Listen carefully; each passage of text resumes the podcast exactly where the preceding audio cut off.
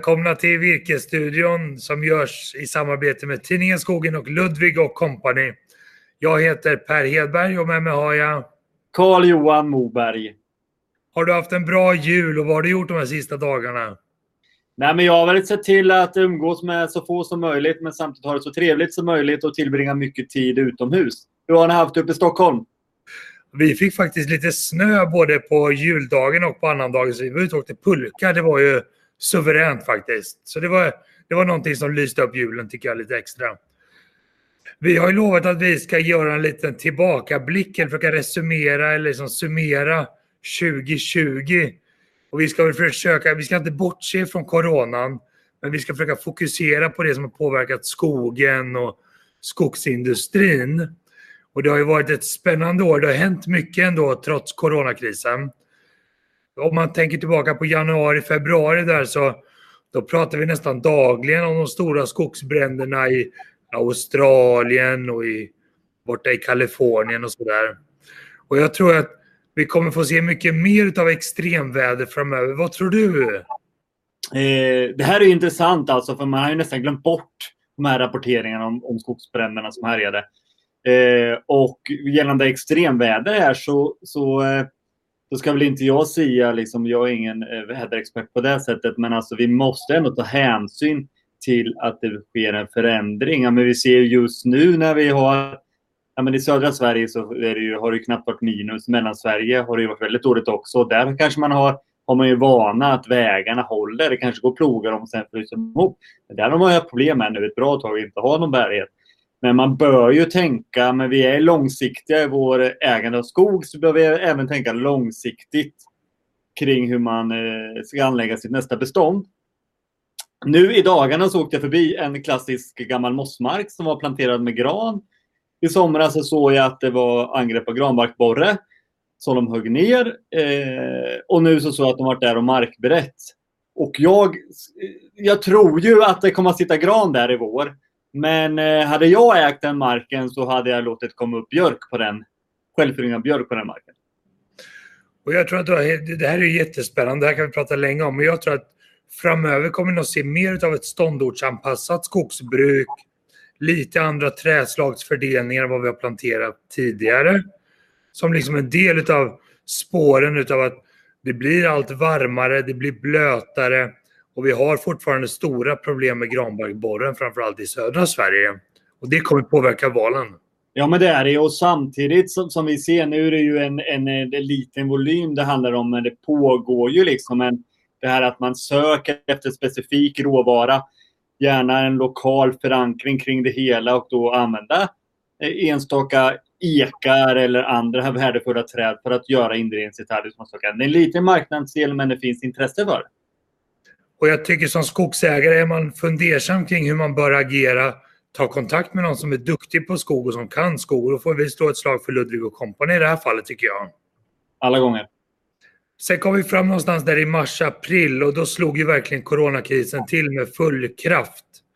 Och olika aktörer påverkades väldigt olika av det här. Vi såg en otroligt snabb och kraftig nedgång för skriv och tryckpapper eftersom man inte kunde dela ut eller producera tidningar på vissa marknader samtidigt som annonsvolymerna föll kraftigt eftersom vi gick in i en väldigt snabb lågkonjunktur också. Men på sågverken såg det lite annorlunda ut. Kan du hjälpa oss? Ja, men det gjorde det ju. En del drog ju verkligen handbromsen och eh, eh gick ner på skift. Jag hade en sittning ganska tidigt där med D-Romme och Andreas Jonsson och de, de körde ju på som vanligt. Så jag tycker vi lyssnar lite på vad Andreas sa när jag träffade honom i våras. Den här rådande situationen vi sitter i i världen med, med coronakris, hur, hur agerar ni? Vad gör ni på Derom eh, för att hantera det så bra som möjligt? Ja, i första hand så, så försöker vi ju att eh, hålla så att säga hjulen rullande vi tror att det är viktigt för både samhället i stort och eh, våran, våra egna anställda att vi, vi jobbar för att hålla vår verksamhet igång så långt det går. Sen är vi naturligtvis eh, väldigt observanta på eh, alla riktlinjer som kommer från våra myndigheter om hur vi ska agera då för att eh, minska smittspridning. Vi har eh, all, alla våra produktionsenheter eh, produceras som planerat. Eh, sen eh, påverkar naturligtvis eh, personalfrågan en del då att vi har en del frånvaro på grund av vab och, och sjukdomar då som påverkar. Men, men vi har vi håller vår verksamhet igång. Men försäljningen nu då, hur har den påverkats av, av, egentligen av den sågade varan? Har du någon uppfattning om det? Eh, ja, vi kan väl säga att vi har haft eh, ett, eh, en ganska bra början på detta året. Och eh, vi försöker ju att ligga nära våra kunder i, egentligen i alla våra delar eh, och, och vara lyhörda för det som förändrar sig. Men eh, på den sågade sidan då så, så kan vi säga att ett flertal av våra huvudmarknader är rullar på ganska bra. Eh, däremot så England är väl det vi idag ser som det största orosmolnet och eh, där eh, England är ju en jätteviktig marknad för princip alla sydsvenska sågverk. Så det, där följer vi utvecklingen eh, jädrigt observant. Det budskapet vi trummar ut eh, så är ju det att eh, vi vill att hjulen ska rulla, våran industri ska gå. Eh, vi tycker att det är viktigt att vi gör virkesaffärer och för det är också så att det virket vi köper idag, de, det ska ju kanske inte sågas just nu utan det är eh, Eh, de affärer vi gör nu det är för att säkra råvaruförsörjningen inför hösten och, eh, eller kanske rent av nästa år. Då. Och sen kanske vi får göra våra affärer på lite annat sätt. Vi, vi får tänka lite mer på varandra när vi träffas. Eh, vi kanske åker i olika bilar till skogen. Vi kanske, det mest påtagliga är väl att vi vi inte hälsar i hand när vi, när vi träffar, när vi kommer och möter varandra och vi tackar inte i hand för affären när vi är färdiga. Utan vi kanske, vi kanske använder digitala hjälpmedel. Vi kanske inte ens träffas utan vi eh, det är de med. De körde på som vanligt i eh, våras där och hade full produktion på sina sågverk. De har börjat även lasta ut för första gången på länge eller kanske någonsin mot eh, USA en stor last också. Vilket egentligen, kollar man tillbaka då så, så har USA-marknaden verkligen gått som tåget. Eh, det här året. Det har det verkligen gjort och även att dollarn har ju försvagats men efterfrågan på sågade trävaror har varit enorm i USA. Och det beror ju delvis på en byggboom men det beror också delvis på att Kanada som har försörjt USA med mycket sågade trävaror historiskt, de har svårt att leverera som tidigare på grund av deras problem med motsvarigheten till deras granbarkborre. Så att de har begränsningar i sin produktionsapparat som har gynnat oss här i Sverige. Så att de här störningarna som vi får från skadedjursangrepp och coronakriser och vad det kan vara, de påverkar de globala råvaruflödena. Och här gäller det verkligen som skogsägare att konkurrensutsätta sitt virke för att nå de aktörer som säljer mot en gynnsam marknad. För de kan betala bättre för virket, så det kan vara värt att ha i åtanke. Ja, men där är det ju. Det är alltså ganska långt egentligen från det trädet växer och markägaren står till slutkonsumenten. Och för att liksom kunna korta ner den, den sträckan och kunna veta liksom vad som är bäst, då gäller det att höra med så många som möjligt. Och trots att det har gått bra för sågverksindustrin i Sverige i år så valde Norra och Norrskog att stänga sitt sågverk i Östavall på grund av att man hade problem med råvaruförsörjningen dit. Och att Norra och Norrskog gick ihop, det var en stor nyhet under året. Och vad tror du att det kan betyda, Carl-Johan? Ja, eh, det är ju, det är ju, det är ju, det är en stor händelse för markägarna i Norrland självklart. För det här är ju två, två, eh, har ju varit två separata skogsägarföreningar som delvis har tampats lite i gränsområdena. Nu går man ihop, man blir en, en större spelare eh, och man, man satsar ju. Nej, men alltså, vi såg ju att här nu innan jul så sålde man ju skogen eh, till, en, eh, till en fond Eh, och samtidigt då gick man in och köpte in sig på ett, en, en massa industri. Så det är klart att man ju redan nu visat på att man, man har blivit större och man kan börja agera på ett annat sätt. Men sen är det ju, är utmaningar också liksom att, att slå sig ihop och få ihop två olika organisationer och de här bitarna. Så att eh, det kommer nog, eh, vi kommer att se saker som händer mer där uppe alla gånger, det tror jag. Och jag tycker vi har tjatat mycket om det i virkesstudion, den här konsolideringen i eh, skogsindustri Sverige då med färre och färre aktörer. Och uppe i norra Sverige kunde vi också se att Holmen köper Martinsson, så det blir Holmen en större aktör även uppe i norra Sverige. Och det betyder ju färre köpare och en större koncentration av den industriella efterfrågan av virke till färre aktörer. Vilket kanske inte alltid är positivt för konkurrenssituationen för virke då lokalt. Nej, men så är det ju. Och det här sågverket då som man har valt att lägga ner i det området. Dels så har det ryktats om att det har funnits andra aktörer som har velat köpa sågverket och ta över driften på det hela. Men där har man inte visat intresse för. Och samtidigt har vi sett att eh, från just det här området så går det ju volymer eh, både på järnväg, lastbil och eh, vidare senare med båt.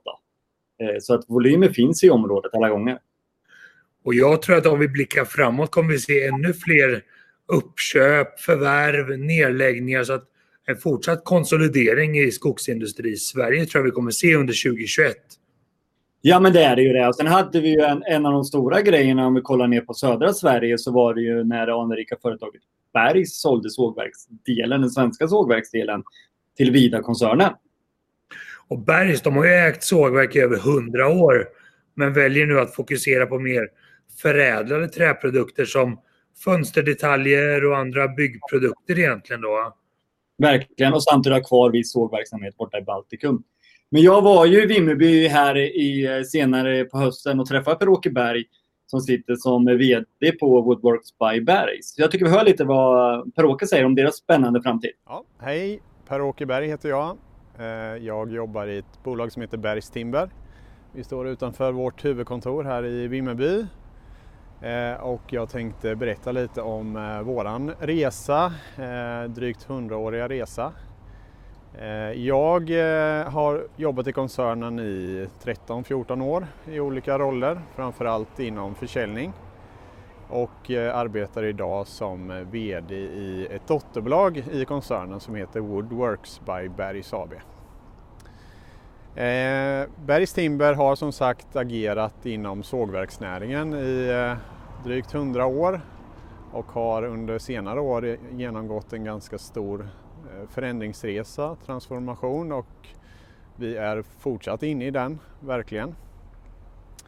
Eh, för ett antal år sedan så eh, förvärvade vi verksamheter borta i Baltikum, i Estland och i Lettland och även i England.